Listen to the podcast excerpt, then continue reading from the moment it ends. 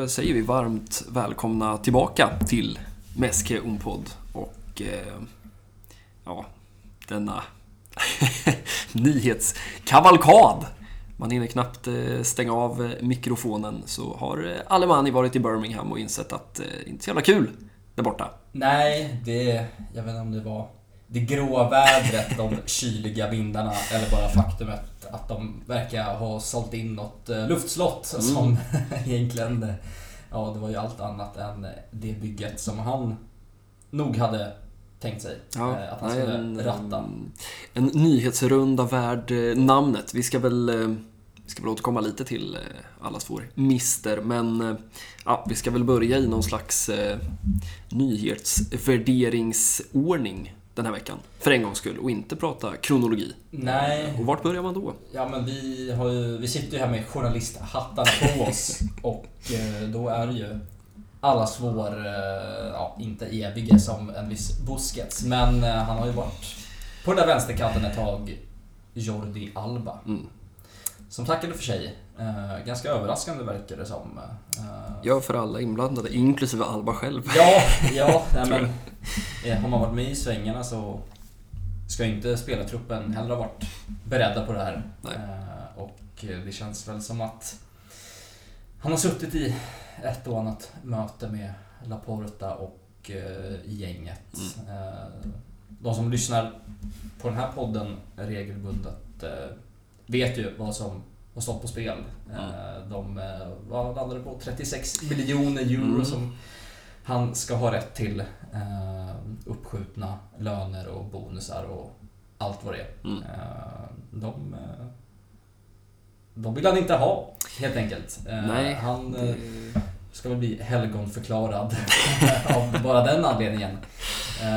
Men ja, han har också eller hade ett år kvar på kontraktet. Mm. Men ja, nu, nu är det slut. Eh, de här två sista matcherna som återstår. Ja, det blir väl ett, eh, det här frihetsbrevet som man väl får direkt översätta det till eh, när man väljer att bryta avtalet i, i förtid. Och ja, nej, som du säger, mycket, mycket av diskussionen, mycket av tankarna landar ju i det där att ja, om man ska sammanslå alla de här tre spelarna då, Piqué, Sergio Busquets och Jordi Alba, så ja, det är ju uppåt 100 miljoner euro som de då tillsammans har avstått ifrån. Mm. Och eh, ja, det är fan på sin plats att bara inleda allt med att konstatera att eh, ja, det är eh, pengar. Eh, även om de väl inte lär leva fattiglappens liv här framöver heller. Nej, det, Alba har väl i alla fall någon form av spelarkarriär och liksom eh, fortsätta med i alla fall. Ja, eh, det har väl pratats både Atletico Madrid, den där Barcelona-kyrkogården mm. och eh, luktar väl också lite Serie A kan jag tänka mig. Eh, det har ju pratats Inter och ja. Juventus eh, förut. Och eh, skulle inte förvåna mig om man har några Premier League-kontrakt på bordet också. Det ska bli, eh, det ska bli, i någon mån ska det fan bli spännande att se honom spela någon annanstans. Eh, det är inte alla de här liksom, typerna av spelarna som man ju får göra det. Det känns ju inte som att Sergio Busquets drar iväg till de brittiska öarna direkt utan eh, där är det väl snarare en eh, med all ja, med halv respekt för de ligorna, men pensionärsligorna som, som det handlar om. Ehm, men eh, ja, nej, var börjar man? Var slutar man? Det är ju ett, ett decennium på den där vänsterbacksplatsen sedan sommaren 2012. Och ehm, ja, vilket, avtryck han har satt ändå på alla jävla plan. Ja, verkligen. Eh, en del eh, av det här gamla gardet som nu på en och samma gång i princip tackar mm. för sig. Om vi buntar ihop Piqué med, med Alba och, och Busquets. Ja, man har alltid haft den här, eh, liksom de här klassiska lagbilderna, laguppställnings, lagfotona från, ja det väl varit den där Champions League-finalen på Wembley mm. 2011. Eh, där spelare efter spelare har blivit svartvit och nu kan vi faktiskt istället använda Berlin-matchen från 14-15 ju. Mm. där det ju efter den här säsongen bara är Mark-André Ter Stegen kvar. Och, eh, ja, det säger fan en del om en del. Eh, såg också en, eh, en grafik på den trupp som Barcelona hade till förfogande när Xavi tog över den där novemberdagen 2021. Och det är inte många namn kvar. Det är en ja, jävla revolution som de har genomfört, Laporta och alla hans undersåtar. Och ja, det är klart att det här är väl en av de sista spikarna i, i den eh, kistan. Ja, och eh, som du säger, eh, det är en jäkla massa framgångar som han har varit med om, varit högst bidragande till. Mm.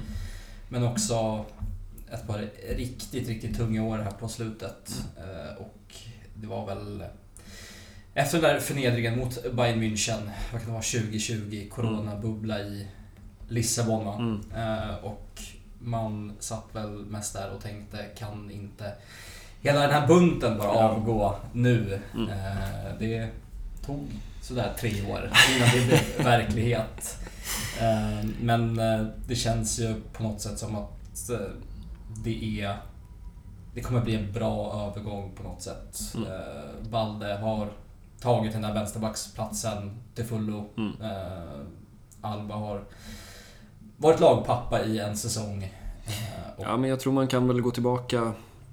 Det var inte så många veckor sedan vi ägnade ganska mycket tid åt att prata om liksom Jordi Albas remontada efter att han eh, just smällde in det som väl kanske blir hans sista mål i, i Barca-tröjan. Skulle inte förvåna mig om man hänger en boll mot Mallis på Camp Nou. Han vill väl framförallt eh, göra sin hundrade assist han står ju på 99 nu.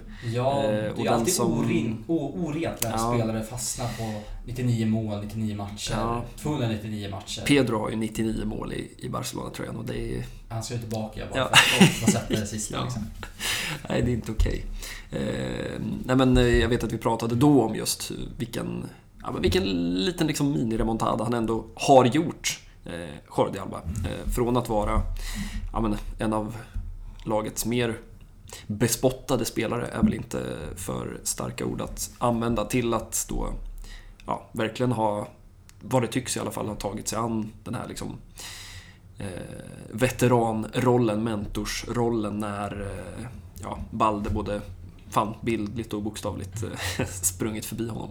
Eh, men som du säger, det ja, om vi pratade om Sergio Busquets här för, för något avsnitt sen och, och, ehm, och hans arv på något vis så är det klart att ja, Jordi Albas arv kanske är ännu mer skadat av ja, men, de säsongerna som följde från den där Olympico-matchen till Anfield till Lissabonkvällen. Eh, ja, det är många, många kvällar som har varit tuffa i, i Europa och, och det är klart att eh, han har varit där alla gånger.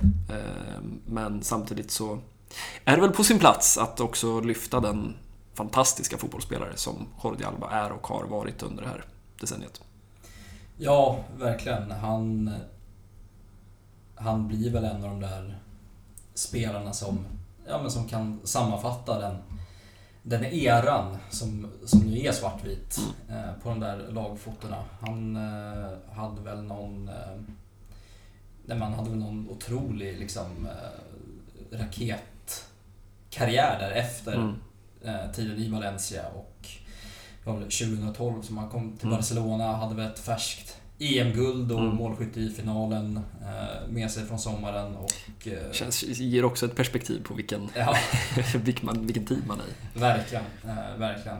Eh, och sen är det väl svårt att tänka på Jordi Alba utan att också tänka på Leo Messi mm. och deras eh, partnerskap som på något sätt eh, blev väldigt speciellt och ja, var väl högst bidragande under de där tunga åren med en, eh, en koman på bänken. Mm. Eh, att hade inte de trivts så bra tillsammans så hade det väl sett mycket, mycket mörkare ut på, på plan. Ja, verkligen. Nej, men om man bara dels när man sitter och tittar på statistiken så, så ja, han är uppe i 97 gula också. Nästan lika många som, som assisterna, men, men om man tittar på liksom, om man ska slå ut det där. Eh, han är uppe på 458 matcher och ja, 100 assist. Ja, det är en framspelning var fjärde, var femte match som vänsterback. Eh, och det är klart att det kan man göra under en säsong eller två. Men eh, ja, att göra det under ett decennium, det, ja, det säger mycket om vilken spelare Jordi Alba är och var och också om vilken roll han har haft eh, genom alla dessa år. Och det är väl klart att när man, ja, när man sammanfattar och, och när man tittar tillbaka så ehm, ja, det är svårt att, att eh, finna speciellt många vänsterbackar som ställer sig på, på högre pallplats på en, en lista eh, på just den positionen än, än honom. Eh, det är klart att det finns namn som ska vara uppe där och, och tampas, och, eh, men, men samtidigt så... Ja, nej, på den positionen så, så är han väl en av de absolut största. Eh, och jag vet inte om man ska försöka att sätta in honom i, jag tänkte på det någon gång borde man försöka göra en, en lista över någon slags legendarstatus. Eh, han är väl inte allt för högt där, men, men samtidigt så... Ja, det är inte speciellt många spelare som har gjort ett decennium som startspelare i Barcelona och hållit den ändå relativa klassen decenniet igenom. Och det har han gjort. Ja, det är ju verkligen få förunnat. Sen kanske han går hem och toppar någon form av lista på mest lyckade nyförvärv. För ja, även om han är äh, gammal La Masia-spelare så äh, köpte man ju honom från Valencia. Mm. Äh, där han ja, men fick sitt La Liga-genombrott helt enkelt. Mm. och klarade av den den ändringen med bravur får man säga. Ja, verkligen. Nej, det är, det är ju lätt att ja, man tar spelare för givet och det är klart att han... Ja, om man har haft, och speciellt kanske också när man har haft sådana enorma problem där ute till, till höger, eh, så har väl Jordi Alba varit den där konstanten som alltid har funnits där. Eh, men samtidigt också då intressant någonstans. Alltså man balanserar väl alltid det där och kanske spe speciellt då när det är dags för någon typ av jävla avtackning, eh, eller vad man nu ska kalla det här segmentet, så är det klart att man vill någonstans komma ihåg de, de ljusa stunderna, de starka och fina stunderna. Men ja, det är också tänker någonstans ändå att man har svårt att, att, hitta en spelare som har varit så pass tongivande, eller åtminstone given i en elva under så lång tid, som också har varit en, ja, men en vattendelare på väldigt många plan, både utifrån sitt liksom, allmänna beteende på en fotbollsplan, eh, men, men också för sin, sina insatser. Eh, om man tittar, jag vet inte vart man ska dra linan riktigt. Du pratar om Lissabonkvällen, jag pratade om Olympikokvällen som någon slags startpunkt. Ehm, men eh, det är klart att vart man än börjar så, så är det ju ett antal år där det väl har funnits kritiska röster mot honom och samtidigt så, så tänker man att ehm, ja, vad hade varit alternativen liksom?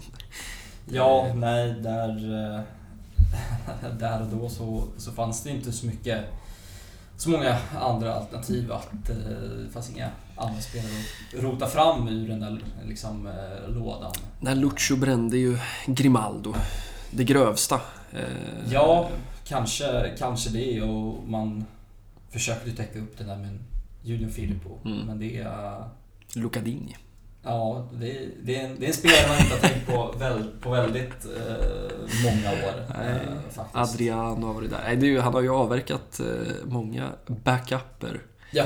eh, genom åren. Eh, Juan Miranda varit uppe och knackat och Cucurella har varit uppe och knackat. Eh, men ja, det krävdes en Alejandro Balde för att eh, den gode Jordi skulle, skulle flytta på sig till slut. Och jag tänker väl någonstans också att det är värt att både poängtera och ja, men, överhuvudtaget nämna eh, ändå någon slags storhet i, precis som vi pratade om i fallet Busquets, att ja, men det känns ändå väldigt rätt i tidpunkt. Eh, och jag vet att vi pratade då i fallet Sergio Busquets om, om den här generationen spelare. Eh, allt från Gerard Piqué till Carles Puyol, även om det var skadorna eh, till ganska stor del. Men Xavi, Iniesta alla de där spelarna som har liksom klarat av att kliva av i rätt tid. Eh, och ja, visst, kanske är det här någon säsong för sent. Men det är klart att han kunde också ha klamrat sig fast på ett helt annat sätt än vad han nu faktiskt gör. Och jag menar i grund och botten så, åtminstone om man ska tro, å andra sidan är det kommunikation från typ alla parter. Mm. Så att man får väl någonstans också tro på att det är hans eget beslut. Eh, och att det egentligen från ja, både tränarstab och styrelse och sportcheferi har varit, eller funnits, ändå en öppning för en fortsättning. Uppenbart då att man skulle ha behövt komma överens om det ekonomiska på något sätt. Eh, men, men att han ändå själv har ja, men som uppgifterna har gjort gällande. Han har suttit ner med familjen. Mm. Eh, någon typ av familjeråd i Casa Alba och eh, ja, men kommit fram till det här beslutet. Och eh, ja, ändå, ändå nämnvärt, tycker jag. Ja, verkligen. Eh, nej, rätt tidpunkt. Det är i en hel jäkla era som ja, men på riktigt ska, ska stängas mm. eh, nu mot eh, Mallorca nästa. Det är, Camp Nou som får visa, visa sig från sin bästa sida för ja, sista gången. Det är Busquets Alba som ska avtackas. Mm. Det är någon vi var ju inne på det innan vi slog på mickarna, men det är någon mysteriespelare också. som det ryktas om att det är... Det är så jävla Gerard Bromeroskt att ha ja, en tredje joker. En tredje joker som ska avtackas och ingen vet vem. Vi har suttit där och försökt fundera ut, är det en Ansu Fati som mm. skickas över till Wolves? Mm. eller blir det liksom en Nkesi som, som får göra en säsong och, mm. och sen ja, också hamna i Premier League? Eh, det får vi se då. Ja. Eh, men det är ju ett väldigt passande tillfälle på något sätt. Ja, men också såklart att jag tänker för båda de här spelarna, om man har... Liksom, Gerard Piqué kommer väl inte vara där men man hoppas, eller jag hoppas verkligen att ja, men det, det hade ändå varit klädsamt att ha honom där. Eh, för att, eh, ja men räknar man med honom också, jag menar bara Busquets och Jordi Alba, det är väl en 1100-1200 matcher. Eh, och jag menar, kliver du på med Piqué också så ja, men då är man uppe i liksom 18-19, man närmar sig liksom 2000 matcher för klubben och det går att säga så mycket om den här generationen spelare och framförallt kanske den här trion kvartetten om man räknar med Sergio Roberto som inte ska vara spelare nummer tre. Eh, ja, men de, de har väl blivit symbol, kanske också tillsammans med Ter Stegen då, för, för liksom allt det här som vi pratar om och har pratat om den här kvarten. Eh, från och med det som... Ja, men man får väl ändå använda den där liksom Olympico-kvällen som någon slags eh, katalysator i, i det där som blev slutet på det europeiska tiotalet för Barcelona och eh, allt som man inte vill minnas därifrån. Eh, och det är klart att den där kvartetten, ja, de har ju varit spelarna som har fått bära hundhuven, eh, som har fått bära fanan, som har försökt bära fanan, som kanske inte, eller som inte har lyckats speciellt många gånger sen 2015 egentligen, om man ska vara riktigt ärlig. Men samtidigt så ja, när allt kommer till kritan och när boken ska stängas så ja, hoppas jag verkligen att eh, katalanerna beger sig ut, beger sig ner till arenan för att eh, hylla de här spelarna. För att det eh, har de fan förtjänat. Ja, och det känns väl ändå på, om man, på stämningen om man ska höja det där fingret i vädret och se vart eh, vindarna blåser. Eh, så är de väl ändå i medvind för Alba, för Busquets. Mm. Eh, och som du säger, vi skulle väl kunna sitta här över hela nästa säsongen och förbanna oss över varför han inte tog chansen där och då mm. och tacka för sig. Mm. Eh, och så ska han klamra sig fast på den där bänken och ha sina nästan 400 miljoner mm. kronor. Liksom. Eh, har man det i, i bakhuvudet så framstår ju det här som någon form av sago, sagolikt slut. Ja men verkligen. Verkligen. Eh, sen tåls det väl att nämnas också vad konsekvensen av det här blir och det är väl att det är Marcos Alonso som kommer att agera vänsterbacks backup nästa säsong. Och eh, det finns mycket att säga om, om det. Eh, få positiva saker att säga om det. Jo, det får eh, Och eh, på tal om Alejandro Grimaldo som ju ska spela fotboll under vad vi tror i alla fall blir Xabi Alonso nästa säsong i Bayer Leverkusen. Eh, så är det ju inte för inte som man känner att eh, ja, men det finns ett par vänsterbackar där ute på marknaden som går som bossman i sommar, som man hade kunnat plocka in och låta Marcos Alonso, med all respekt för hans insatser i Barcelona-tröjan som har varit, eh, också med respekt för att förväntningarna var prick och totalt noll, så eh, har han gjort vad han har kunnat. Men eh, det känns också som att man Också med respekt då såklart för att man förmodligen kanske inte riktigt var beredda på det här beskedet från Jordi Alba då, inte riktigt har sonderat den terrängen tillräckligt och att det där ändå kommer att bli misstänker jag och jag vågar nog påstå det redan nu att det, den där positionen kommer att bli ett problem nästa säsong i den mån Alejandro Balde inte klarar av att spela 58 matcher. Nej. Och det är ju få spelare som klarar av det. Eller vissa spelare klarar av det och sen får de en säsong som Pedris den här säsongen. Eh, som kanske blir Gavis säsong nästa säsong. Eh, man kan hoppas att det inte blir så. Men eh, ja, det finns nog en del att fundera på för Alemani på den där positionen. Men ja, det finns väl inte så mycket mer att göra än att lyfta på någon form av jävla artificiell hatt för den gode Jordi, för lång och trogen tjänst och för att han hade vett nog att kliva av i rätt tid. Ja, verkligen. Det är någon salut som ska skjutas, ja. eh, avfyras. Så eh, nej, hatten av. Eh, och vi... Ja, vi ska väl ägna några minuter åt eh, bollen också. Eh, vi ska väl återkomma dels till den där avtackningsceremonin som, eh, som vankas mot Mallis hemma här i, i helgen. Men det har ju också, tror det eller ej, spelats fotboll. Eh, och eh, ja, vad har vi att säga om den saken? Ja, man har väl eh, eh bevittnat 180 minuter ja, men ganska dålig fotboll. Ja, det måste man säga. Det är väl ingenting att, att, hymla om. Det har varit ett, ja, men ett utcheckat lag känns det som. Mm. Eh, efter den där bussturen genom stan. Mm. Eh, så är det inte många av de spelarna som tänker på vad som händer på plan. Och visst har väl det sina förklaringar i att Pedri har varit borta, Araujo har mm. varit borta. Mm.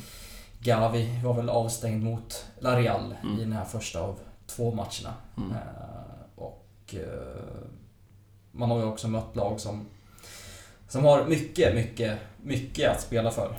Eh, och det är väl någonstans nyckeln i det hela tycker jag. Att man får väl på något sätt ursäkta Xavi och hans, och hans mannar. Mm. Ja, nej, men som du säger, vi ska väl bara redogöra så att alla är med på vad vi pratar om. Man eh, hade alltså Larial på hemmaplan, eh, torsk 1-2-1. Larial som ja, men i princip har säkrat den där eh, Champions League-platsen nu, återigen. Eh, är med där uppe i, eh, i den absoluta ligatoppen. Eh, och ska väl bara lyfta på någon jävla hatt för dem också. Lyckats skaka av sig både Villarreal och Real Betis. Eh, och så följer man upp med att åka till Valladolid och eh, släppa in tre bollar. Eh, även om Lewandowski har gjort eh, två sådana jävla tröstmål som väl någonstans ser ut att ge honom den där Pichichin som ja, och det är väl... längtat efter. Det är väl det enda positiva. ja. Att faktiskt eh, ta hem från de här matcherna. Ja, jag vill ändå nämna Pablo Torre också. Ja, jo, han, fick, han fick sin start ja. eh, mot, mot Valladolid borta. Och såg pigg ut. Ja. Eh, måste man ändå säga. Företagsam. Ja. Eh, han eh, ta, tog väl den där chansen att, eh, att visa upp vad han kan tillföra. Ja, men ge lite griller och garantera sig själv, tror jag, en försäsong med gänget istället för en tidig utlåning till ett annat La Liga-gäng. Eh, som man väl ändå kanske hoppas att det blir till slut, både för, eller ja, framförallt för hans egen skull. Eh, det är klart att han själv fortsätter att prata om den här säsongen i Barcelona som en väldigt utvecklande för honom i, i träning då. Eh, om man ska direkt tolka hans termer. Men det är klart att ja, i den där åldern så ehm, behövs det speltid och ehm, det är bara att be en bön för att det blir rätt adress. Eh, vi har ju sett det där ganska många gånger nu med eh, unga Barca-fältare som ska ge sig ut på den där tunga La Liga-marken. Och mm. Ibland kommer tillbaka med svansen mellan benen och ibland kommer tillbaka som Rafinha gjorde sommaren 2014 och sen skadade han sig 12 gånger och försvann. Eh, nej, men eh, jag håller väl med dig också i någon mån att, eh, att man får se resultaten för vad de är. Eh, ska väl också notera att Valladolid-resultatet ju... Ja, vi ska väl också notera att eh, Espanyol vände 0-3 mot Atletico Madrid igår kväll. Eh, och eh, ja, någon form av jävla räddningsplanka på den där säsongen. Eh, och eh, ja, för den som tycker att La Liga är lite trist och tråkig där i toppen så kan vi ju återigen bara rekommendera denna bottenstrid som ju är helt fasansfull. Espanyol ska alltså möta Almeria och Valencia innan den här säsongen är slut. Och eh, det är många lag som har dragits in där nu i och med att alla bottenlag tycks vinna hela tiden. Inte längre Valencia sitter ju säkert heller plötsligt efter att ha räddat den där säsongen, trodde man. Ja, Celta Vigo sitter inte heller helt säker. Ja, det kommer bli, eh, kommer bli rafflande. Ja, och så är det väl ett Valladolid som ska möta Getafe. Ja. Båda två där i botten i den sista omgången. Ja, så nej, det kommer ju bli en, eh, ja, en riktig nagelbitare för, för många utav de där lagen. Ja, verkligen. Det är väl sådär 6-7 lag som fortfarande kan trilla ner. Ja. Nej, det, det, blir, eh, det blir att åka av. Och den där torsken mot Valladolid innebär ju då, Eh, för att stänga den bubblan, ett eh, rejält slag i La Liga eh, båten för Espanyol då. Vilket ju många inte var sena att notera att Barca såklart var där och besegrade dem med 4-2 och sen åker man och torskar mot Real Valladolid på ett sällan skådat sätt.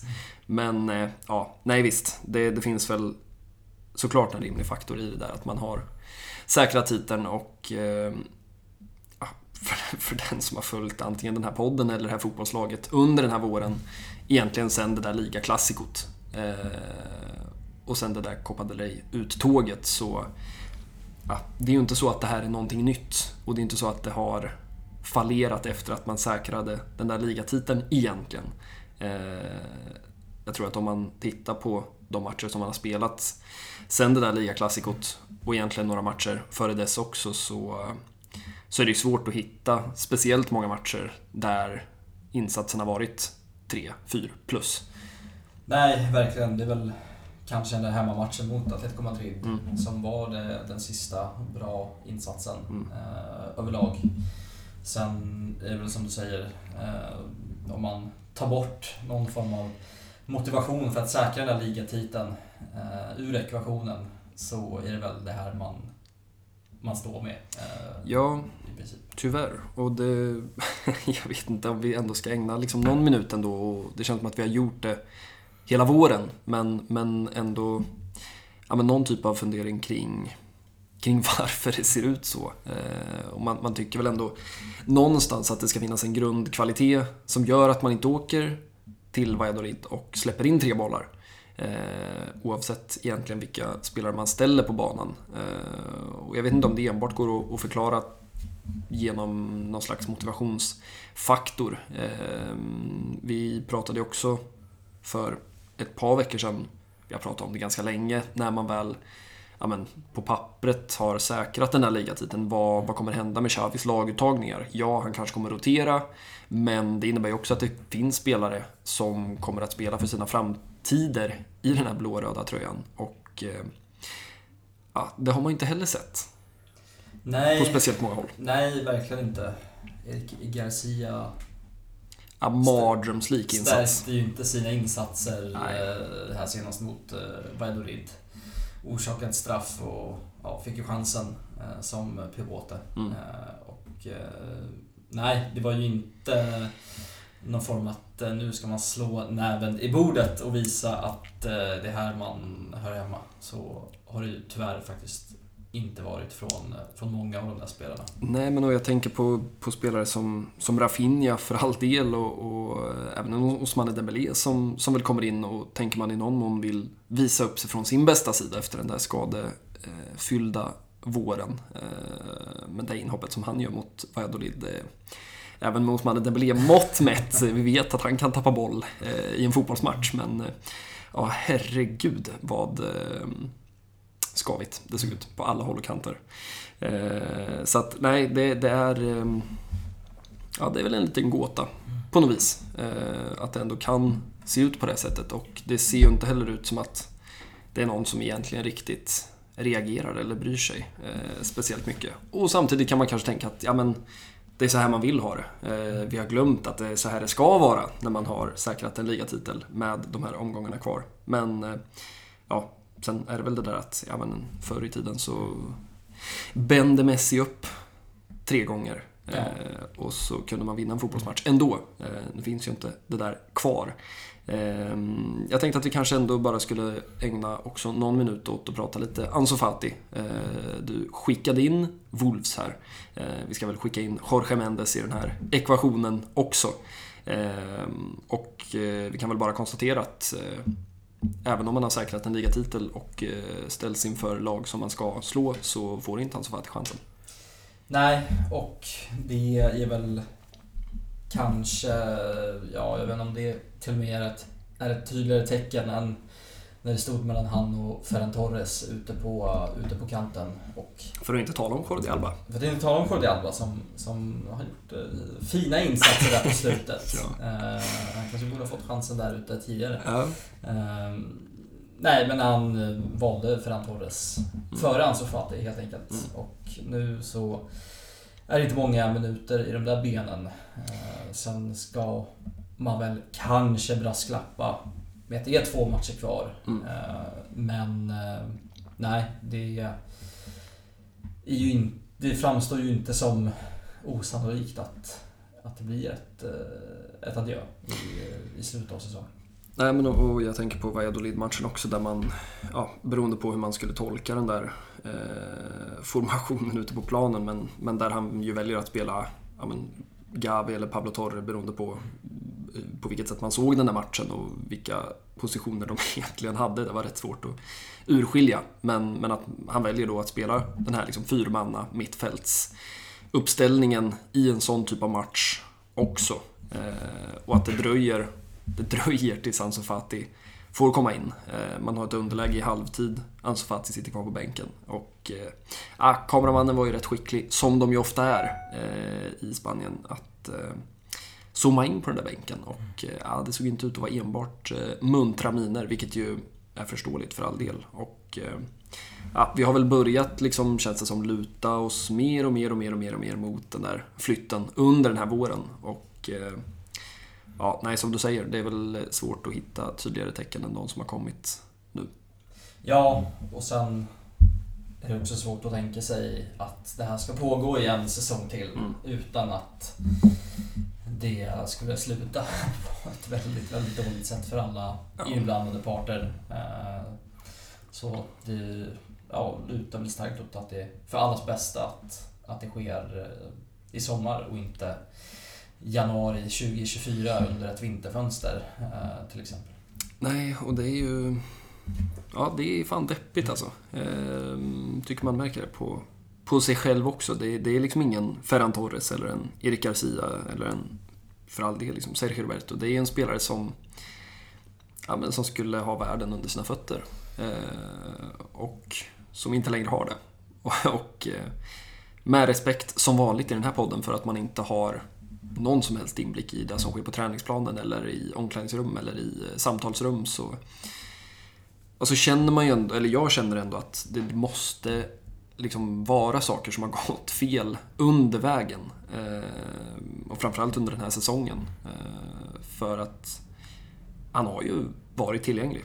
Eh, sen i vilken fysisk form och status han har varit, det är väl en helt annan femma. Men det har ju inte varit så att han har varit borta fyra månader den här Nej. våren. Utan han har ju varit tillgänglig.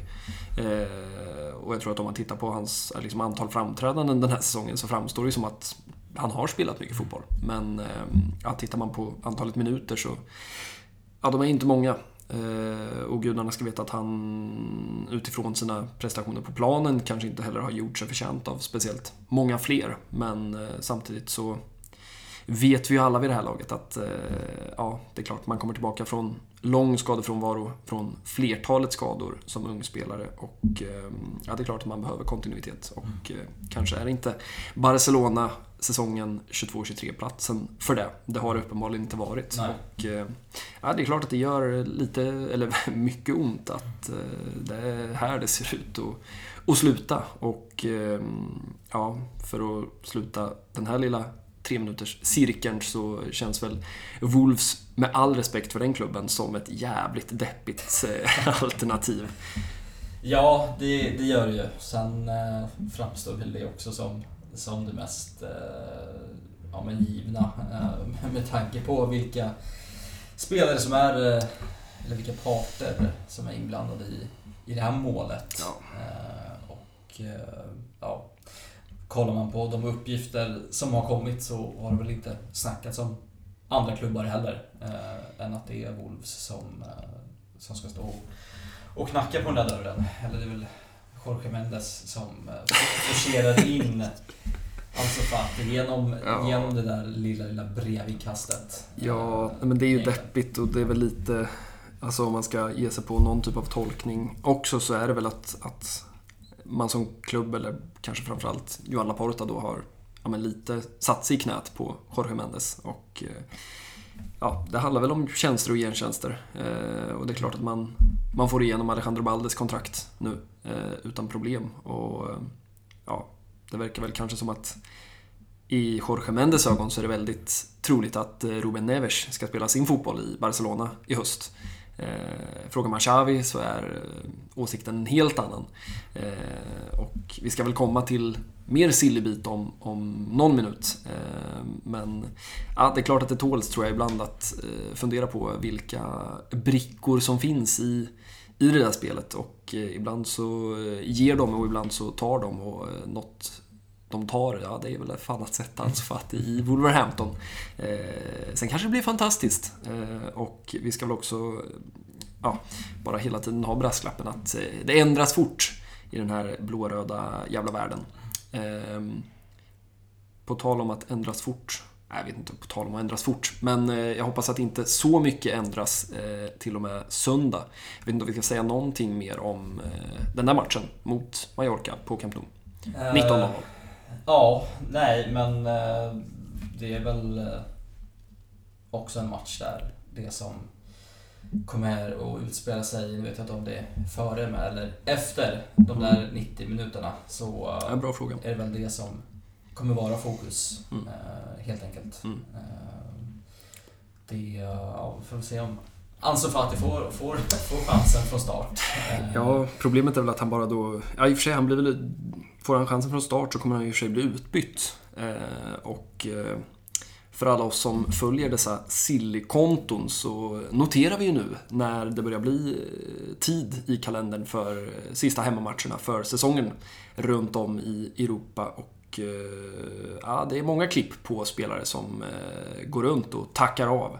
Eller vad det ser ut som i alla fall. Eller hur var det egentligen? Ja, Bland annat Ruben Neves ja. noterade jag på eh, Wolverhamptons hemmaarena. Eh, vad som såg ut att vara någon typ av eh, farväl till de hemmafansen. Och de kan väl glädjas åt att han så fattig snart flygs in i privatjet från Katalonien.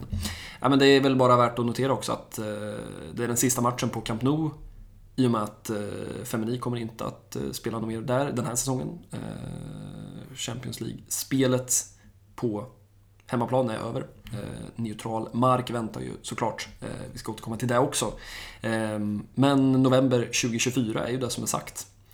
Ja, och det är väl, det är väl någon ja. jäkla nyhet där att eh, man, ja, men vad det verkar, kommer att husera på bortaplan mm. de första två, tre månaderna av, av ligaspelet. Mm. Och man tänker också att det måste väl få någon jäkla effekt. Positiv eller negativ återstår väl att se. Mm. Eh, men det tillhör ju inte vanligheten att det är en sån lång period ändå. Nej, det... Eh, det är mycket. Jag eh, noterade att Xavi var ute här och, och ja, men, hade någon typ av, oklart om man ska kalla det för intervjusvar eller reklamspot för Montjuich. Eh, och eh, sa att han, han hoppas verkligen att folk eh, kommer att citat hitta upp dit. Mm. För den som har varit där vet ju att ja, det är en bit upp. Men man blir också belönad med en väldigt gemytlig utsikt över ja, mer eller mindre hela staden. Och det är en fin arena, verkligen. Men det är inte Camp Nou och framförallt är det inte 98 000 som kan sitta och titta på boll där. Eh, så det är klart att det gör saker både med ekonomi men också med att det, det, är klart att det är konstigt när ett fotbollslag inte spelar på sin hemmaarena eh, med allt vad fan det innebär. Verkligen. Eh, så att, eh, ja, nej, det är mycket att ta farväl av. Eh, både en mittfältsikon, en vänsterbacksdåre, en Mr X och en jävla betongklump. Det kommer bli en deppig söndag på många sätt. Ja, nej, men det lär väl bli en känslosam söndag, om något. Mm. Så det är väl något form av eh, tips eller råd att... Eh, Fram med näsdukarna? Ja, näsduken ska, ska vara framme. Ja. Den, den kan komma till användning. Ja. Eh, ja, men någon som, som ska vara kvar, om vi ska vända på steken, det är ju Matteo Alemani. Som vi inledde avsnittet med. Ja, vi eh, satt ju där förra veckan och mer eller mindre förbannade oss. För det var ju i princip när när det avsnittet låg ute som eh, ja, tweetsen började rulla in. Eh, Gerard Romero eh, mm. tryck, tryckte på någon form av larmknapp. Mm. Och ja, det tog väl inte många dagar innan det var officiellt, mer eller mindre, att han vände hem från öarna och klampade in oss, Johan Laporta, och sa att eh, han vill minsann vara kvar och avsluta det han har påbörjat och att han nu inser att han är på han är i världens bästa klubb. Mm. Så vad ska man uh, behöva göra i Birmingham och Aston Villa? Ja, nej, de där uttalandena var uh, liksom nästan lite för bra för att vara, vara sant. Det är ju svårt att inte liksom... Man, man ser ju framför sig hur han liksom han landar där i, i Birmingham och det är eh, Även om det är maj så är det ta mig fan mulet där i Birmingham och eh, Alemani han, han vill ha sin sol. Eh, möts väl av massa bleka britter. Eh, kanske har de varit på charter i och för sig. Eh, så blir de röda istället.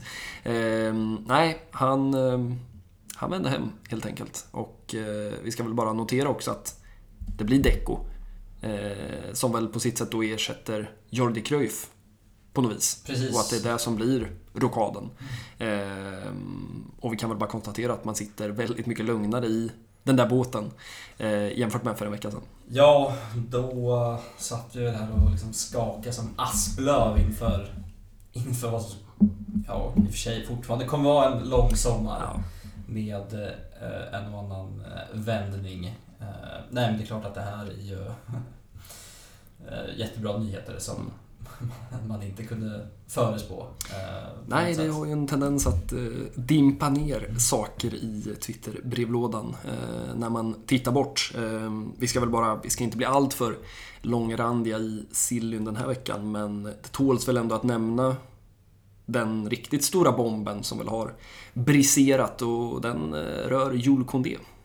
Ja, det verkar ju existera ett Caso Condé som mm. de säger det mer ett, äh, ja, ett kollegfall mm. helt enkelt. Äh, och äh, ja, men det gick ju jäkligt snabbt det också. Och det ja, lite blixt från klar himmel-läge. Även om man väl någonstans har förstått, och jag menar Kondé har själv varit ute och pratat i termer om att ja, men han om man vänder på det jämfört med vad Ronald Araujo har pratat i för termer. nu har Ronald Araujo åtminstone, eller å andra sidan haft specialuppdrag där ute till höger medan Kondé har blivit ja, men, mer eller mindre fast där ute. Eh, men eh, nej, att, att det skulle vara så tydliga uppgifter eh, kring att ja, men, han faktiskt på riktigt överväger sin framtid. Det, det, får man väl ändå beskriva som, som någon typ av eh, chock. Ja, verkligen. För att han var missnöjd ute på högerbacksplatsen visste vi ju. Eh, men eh, ja, han ska väl ha har vädrat det öppet mm. Eh, och sagt att han inte alls vill vara kvar på den positionen nästa säsong. Mm. Eh, och då tar det inte lång tid innan eh, ryktena börjar sprida sig. Allt ifrån att det är någon form av 80 miljoners 80 miljoner euro eh, Mm. som ska vara någon form av minimigräns för Barcelona för att man ska släppa iväg honom till att United och Chelsea såklart eh, står där med pengasäckarna och bara väntar på att få, få casha in dem i, i Barcelona. Eh, men eh, ja, och Xavi var väl också ut nu efter när Valladolid-matchen och sagt att de hade haft ett, ett gott snack Ja. emellan och de båda lämnade det mötet eh, nöjda och hade väl fått säga sitt. Ja men ändå, ändå det, det är sällan känner jag som att man faktiskt vill ha en sån där liksom torr Xavi-kommentar om någonting. Men, men här kändes den ganska lugnande. Framförallt efter vad Alemani hade gett försvar eh, inför matchen. Det verkar ju vara en jävla flash-zon eller något. Det är Mm. någon som klipper honom innan matcherna. För det är oftast där liksom en timme innan match, då kommer det något som, som liksom Alemani har sagt.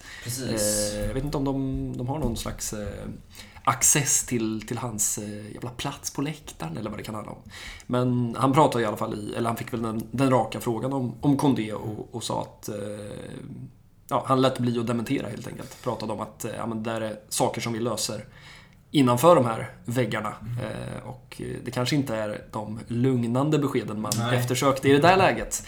Eh, men vi ska väl också säga det att, att liksom någon typ av grund för, åtminstone om man ska tro, de här liksom samstämmiga uppgifterna. Jag menar både Gerard Romero har haft dem och Sportomund och eh, Tony Juan Marti på Relevo också. Så att, ja, någonting finns ju där. Eh, men, men det ska väl också bottna i att Condé ja, men, inte riktigt tror på att klubben ska plocka in en ny högerback. Eh, och om klubben väl gör det så, ja, det är ju Ronald Araujo och Andreas Christensen som finns där. Eh, två spelare med skadeproblematik i och för sig över en hel säsong. Men eh, nej, man har ju inte svårt att se att det ändå finns en del griller i Condés huvud. Nej, verkligen. Faktiskt. Han, eh, han sitter väl där och eh, ser hur det är en eh, Sergio Busquets roll man först och främst kommer att prioritera. Mm. Eh, Subimendi som Ja, men vi för övrigt ska... Ja, precis. eh, eh, gjorde en väldigt fin insats på Camp Nou. Ja, men det var väl lite hans eh, audition. Ja, och han fick väl sin guldbiljett Verkligen. av, eh, av Xavi. Eh, Och eh, men han är väl utpekad nu som, som en topprioritet. Ja, det ska väl verkligen ha varit Xavi som har pushat för det där och den där utköpsklausulen på 60 miljoner euro den kommer man ju att kunna lösa, tror man väl, med alla dessa olika typer av operationer som Alemani ska, ska lösa. Jag vet inte om vi bara ska också, på tal om Subimendi, ändå skicka lite av en eh, varning ner till Xavi. Eh, jag tror vi har pratat om det en del förut, men ja, hur olika tränare pratar om andra klubbars spelare.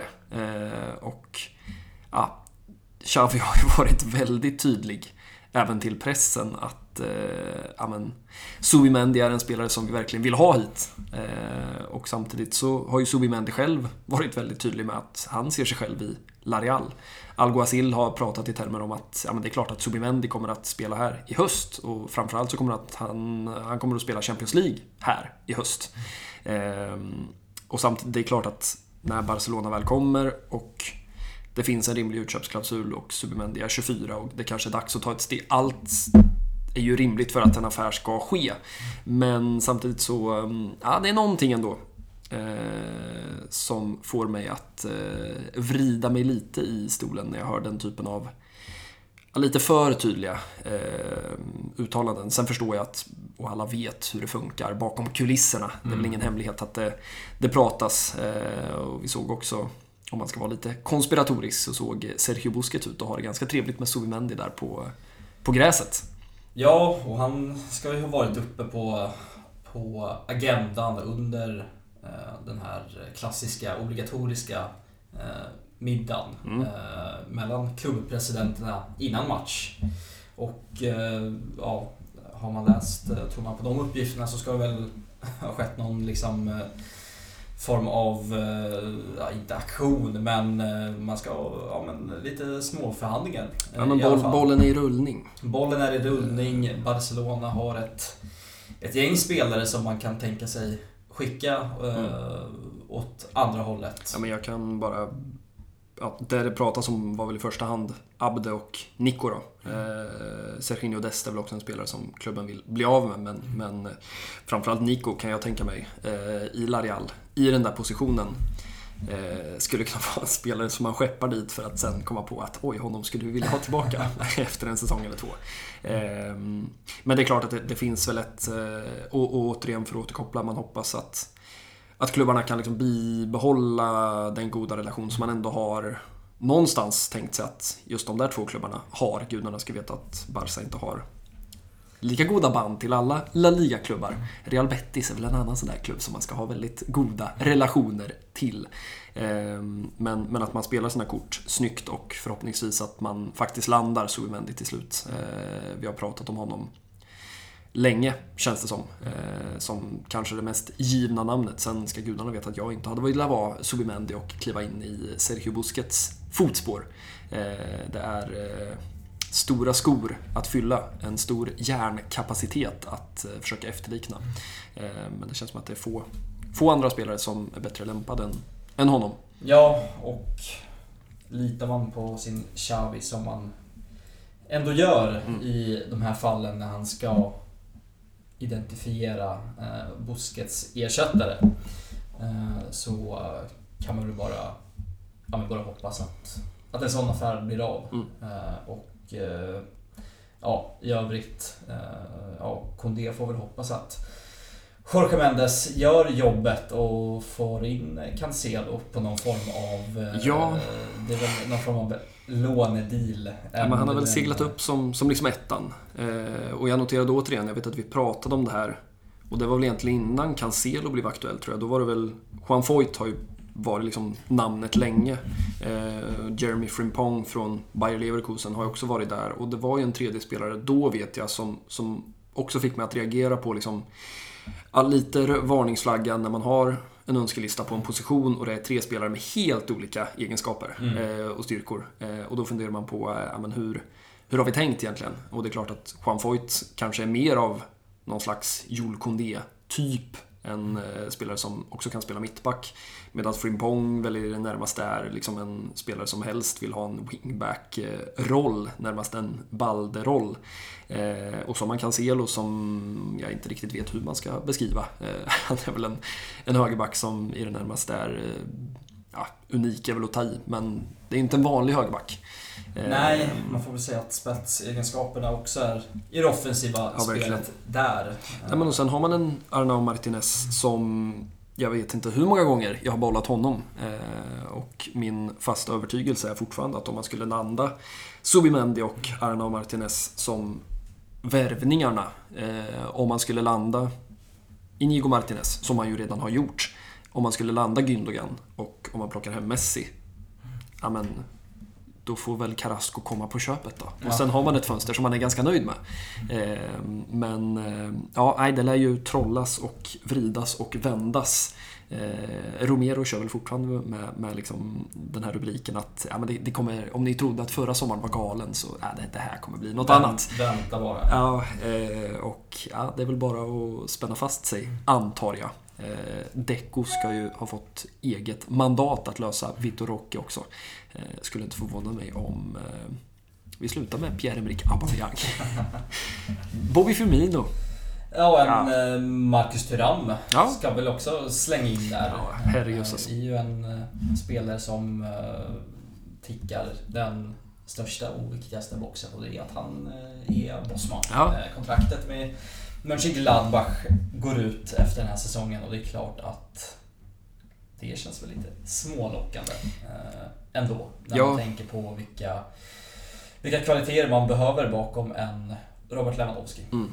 Ja, nej men ehm, det är väl ingen hemlighet att eh, klubben och kanske framförallt Alevani har en för kärlek till de där Bosman-lirarna. Eh, vi ska väl också säga det Eh, också att det lutar väl åt att Manchester City nu kommer att erbjuda Ilkay Gündogan någon typ av 1 plus 1 kontrakt. Eh, och det där ställer väl till det lite för Barcelona som tidigare har haft fjädern i hatten. Att man har kunnat erbjuda kanske till och med 2 plus 1 till Gündogan medan mm. Manchester City då ja, men har varit ganska fast beslutna om att eh, ja, men det är ett år som, som gäller. Eh, och samtidigt har man den här fair play, eh, La Ligas lönetak problematiken över sig som gör att eh, ja, man kanske inte kommer vara klubben som kommer att agera, kommer kunna agera snabbast och kvickast. Eh, och det är klart att det kanske inte är ett problem i vissa fall, typ Subimendi, eh, där det handlar om tvåvägskommunikation. Men i fallet Gündogan så är det klart att, eh, ja, jag vet inte hur länge han kan tänka sig att vänta. Eh, kanske inte till den sista augusti. Nej, och släng in ett, det är väl ett Arsenal med en Mikael Arteta som mm. vet vad, vad Gündogan går för efter hans tid på City-bänken. Mm. Som också rycker i de där trådarna, mm. har man läst till sig. Så Nej, det är väl en värvning som ser mycket svårare ut mm. nu och det är väl ändå någonstans favorit att han eh, stannar kvar i de blåa delarna av, av Manchester. Ja, men lite så. Det är väl miljöombytet. Och eh, jag kan också tänka mig att eh, den där Champions League-finalen kommer att bli ganska avgörande för eh, ja, men ett par City-spelare ändå. Eh, det är klart att eh, ja, skulle de torska den där matchen mot Inter, vilket de såklart kommer att göra, för alla vet hur fotbollen funkar. Eh, ja, men då finns det ju fortfarande någonting att uppnå för Gündogan som ju aldrig har vunnit Champions League. Men det är klart att skulle han avsluta den här säsongen med en trippel så kan jag ändå tänka mig att eh, ja, men då är det dags att, att faktiskt testa något nytt. Eh, vi får ju svar om, om ett par veckor. Eh, men jag vet inte, sammanfattningsvis så, så känns det väl, upplever jag i alla fall, lite ljusare på, på liksom transferfronten. Bortsett från att jag inte kommer få min Arnau Martinez. Nej, eh, det gör det väl. Det har väl också surrats en del om, om Barcelonas ekonomiska plan som mm. Eh, det ryktades väl att det skulle komma ett grönt ljus från La Liga i veckan. Mm. Det dröjde och sen har väl de haft fullt upp med att försöka hantera en rasismskandal jo, som eh, verkligen har liksom skakat om ligan och eh, ja, på något sätt svartmålat den inför hela världen. Ja, och det är väl ändå på sin plats att eh jag menar, det, det, krävs knappast några fler fördömningar eller fördömanden av det som hände på Mestalla. Eh, även om vi såklart med all tydlighet vill ta avstånd från det också. Men eh, ja, det är väl egentligen det som man reagerar på utifrån ett Barca-perspektiv. Eller är väl liksom, och från ett Laporta-perspektiv är väl återigen hur Javier Tebas krishanterar eh, och hans totala brist på någon typ av självrannsakan. Eh, ja, igen. Ja, han fick väl eh, Rubiales att se ut som eh, Guds gåva till mänskligheten eh, efter att ja, TVs själv gått ut och svingat mot Vinicius ja. eh, på de sociala medierna eh, efter det som hände. Eh, nej, men bara för att stänga den boken så det, ekonomiboken eh, då, så känns det väl som att det är något ljusare. Det är Alma som har släppt sina miljoner och man ska väl kunna ja, här, ja, men idag när vi spelar in så har man fixat något nytt sponsorkontrakt mm. också med, med eh, Philips och det är mm. väl välbehövliga miljoner in ja, på kontot. Verkligen. Uh, ska väl nämna också att man har fått grönt ljus för både Ronald Araujos och eh, Gavis kontrakt. det ska sägas. Så nu är det väl bara Balde kvar. och det är väl lite det som har varit ja, men någonstans utgångspunkten i rapporteringen också. Att ja, men första prio har varit eh, hela tiden att eh, ja, säkra de här spelarna. Jag menar i Gavis fall har det varit absolut nödvändigt. Hans kontrakt löper ju i sådär en månad till. Eh, så det är klart att det också är värt att nämna. Oerhört goda nyheter även om alla väl visste att de skulle komma förr eller senare. Så, så ja, det är klart att man är glad att de kommer i slutet av maj istället för i mitten av juli. Så att, ja, någon typ av jävla positiva vibbar ändå. Det är inte alltid man avslutar ett litet silly segment med, med de orden. Eh, och vad passar då bättre än att skjuta oss rätt ner i mörkret? För vad har Barcelonas Femini gjort? Jo, de har förlorat en fotbollsmatch. Ja, de har väl gjort det man inte trodde var möjligt efter eh, sådär två säsonger utan en ligatorsk. Mm. Uh, nej, men man har ju roterat uh, bort sig Eh, eh, roterat bort sig. Man har ju roterat mm. eh, fullt ut eh, i princip. Och åker man och möter Madrid CFF, mm. eh, något liknande, eh, som absolut inte är ett bottengäng. Eh, det är ju ett lag på, på den övre halvan. då, då kan det se ut så här. positivt är väl att Alexia Putellas mm. fick eh, göra sitt första mål. Jag noterade det också. Efter hennes comeback. Ja, och vi funderar ju alltjämt på hur det blir med deltagande i den där finalen. Det är klart att ja, det lockar. Ja, jag kan tänka mig att det, det lockar en viss Jonathan Geraldes också. Sen är det klart att det finns en ja, en balansgång i det där.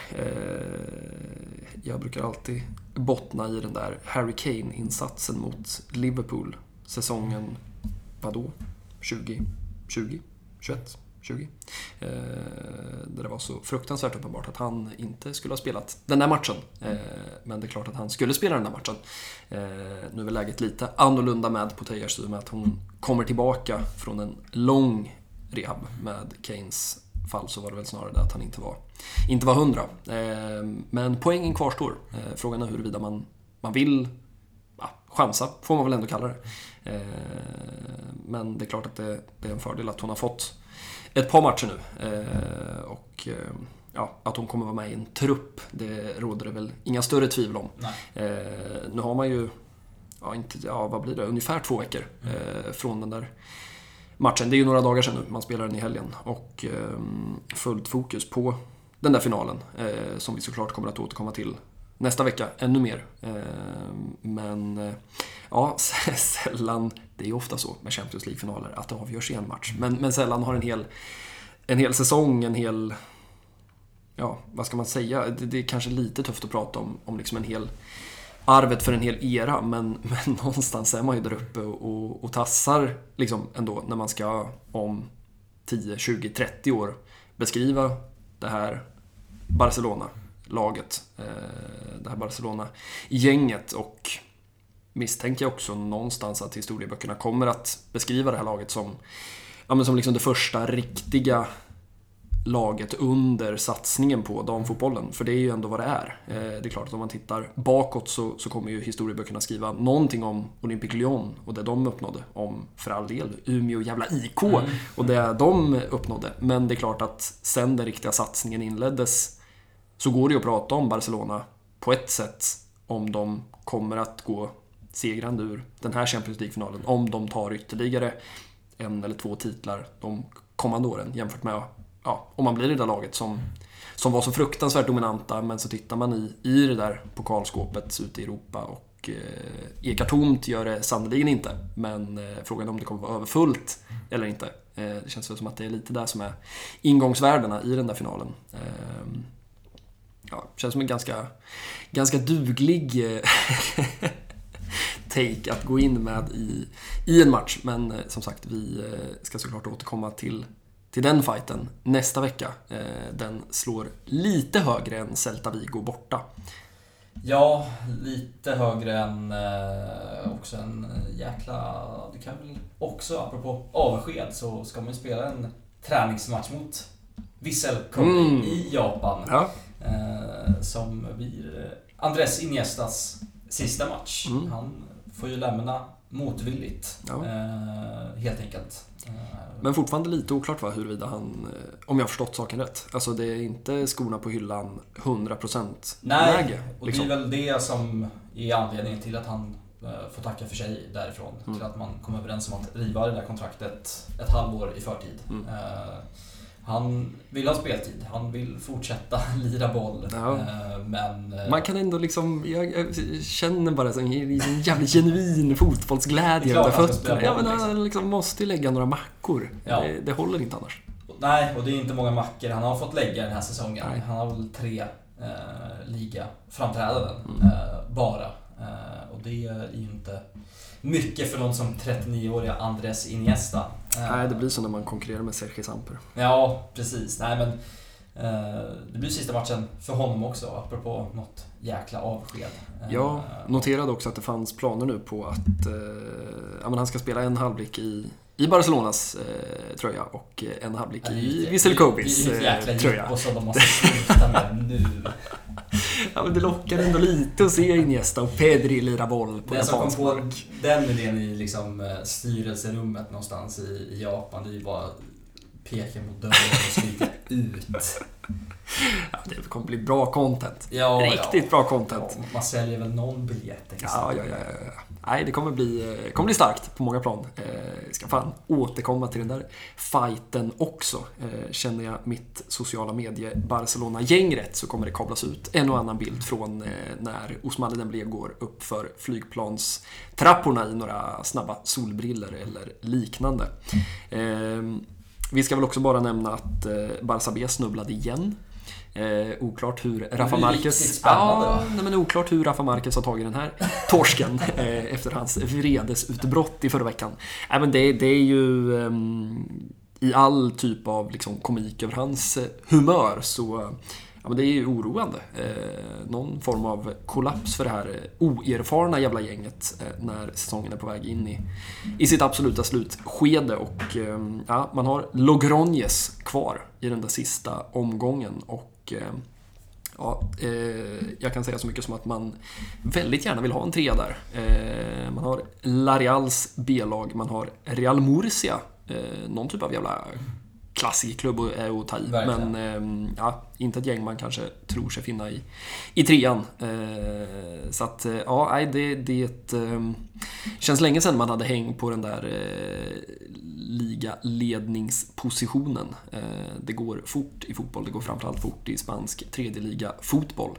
Eh, men eh, ja, förhoppningsvis så, så plockar man den där playoff-platsen ändå. Eh, något jävla antiklimax annars hade det ändå varit, eh, måste jag säga. Ja, missar man den här playoff-platsen så är det väl liksom Marcus out-läge nästan.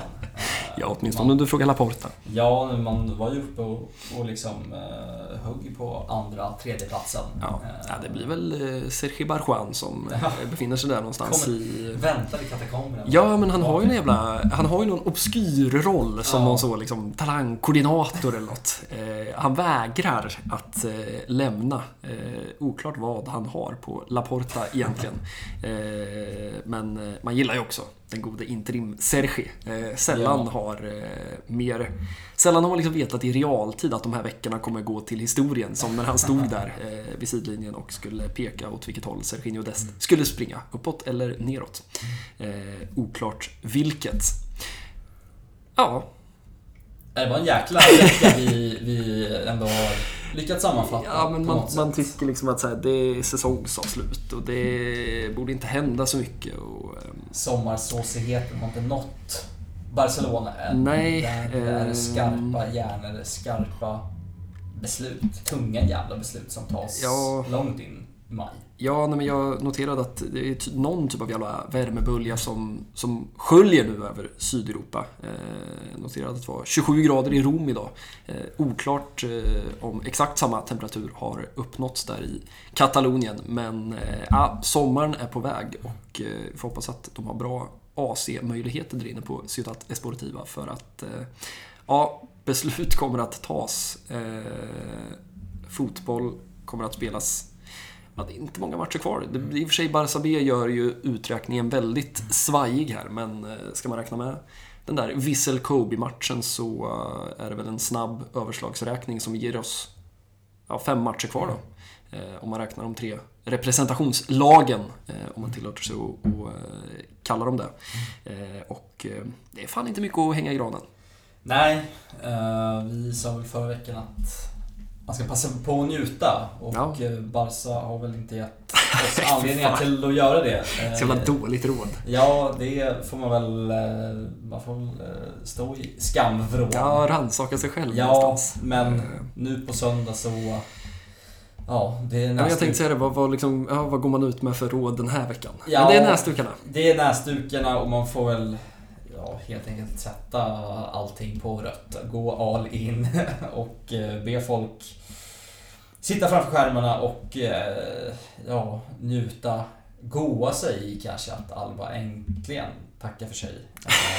Eh, Beroende på i, vilket, vilken båt man, man sitter i. Ja, nej, det är sant. En Men win-win för alla. det, är- ja, det blir en, en historisk dag i alla fall. Ja, nej, men det tåls väl ändå att, att säga igen att, eh, att det är ingen vilken eh, 37 ligaomgång som helst. Eh, det ska tas farväl. Eh, jag gissar att eh, åtminstone folket nere i Katalonien tar med sig näsdukarna till Camp Nou och eh, ja, som sagt, jag har ändå en, eh, en liten gnutta hopp om att få se Gerard Piqué där nere. Känns tyvärr som att han inte kommer att göra det förrän det är dags för lite Kings League igen på, på Nou. Det är då vi får, får se honom. Men ah, vad fan, man kan drömma och eh, ja, det får väl vara utgångsorden den här veckan då. Eh, bring all your näsdukar. Eh, och vi eh, hoppas väl på en fan lite jävla mer munter vecka än den förra. Vi tar med oss att Alemani sitter, sitter någonstans nere i Katalonien nu och eh, bolmar på en cigarr eller något liknande. Och eh, ja, kanske ett telefonsamtal till den gode Jorge i eh, vänsterörat. Eh, mindre hade kunnat förvåna mig. Eh, vi är på, eh, ja, vi säger på, på återhörande, på återseende nästa vecka och eh, då är det fan dags för Champions League-final. Det ser vi fram emot. Bara en sån sak. Ja. Vi hörs. Ciao. Ciao. Tot el camp és un clam. Som la gent blaugrana, tant se val d'on venim, si del sud o del nord. Ara estem d'acord, estem d'acord, una bandera ens agermana, blau, gran al vent, un crit valent. Ara, tenim.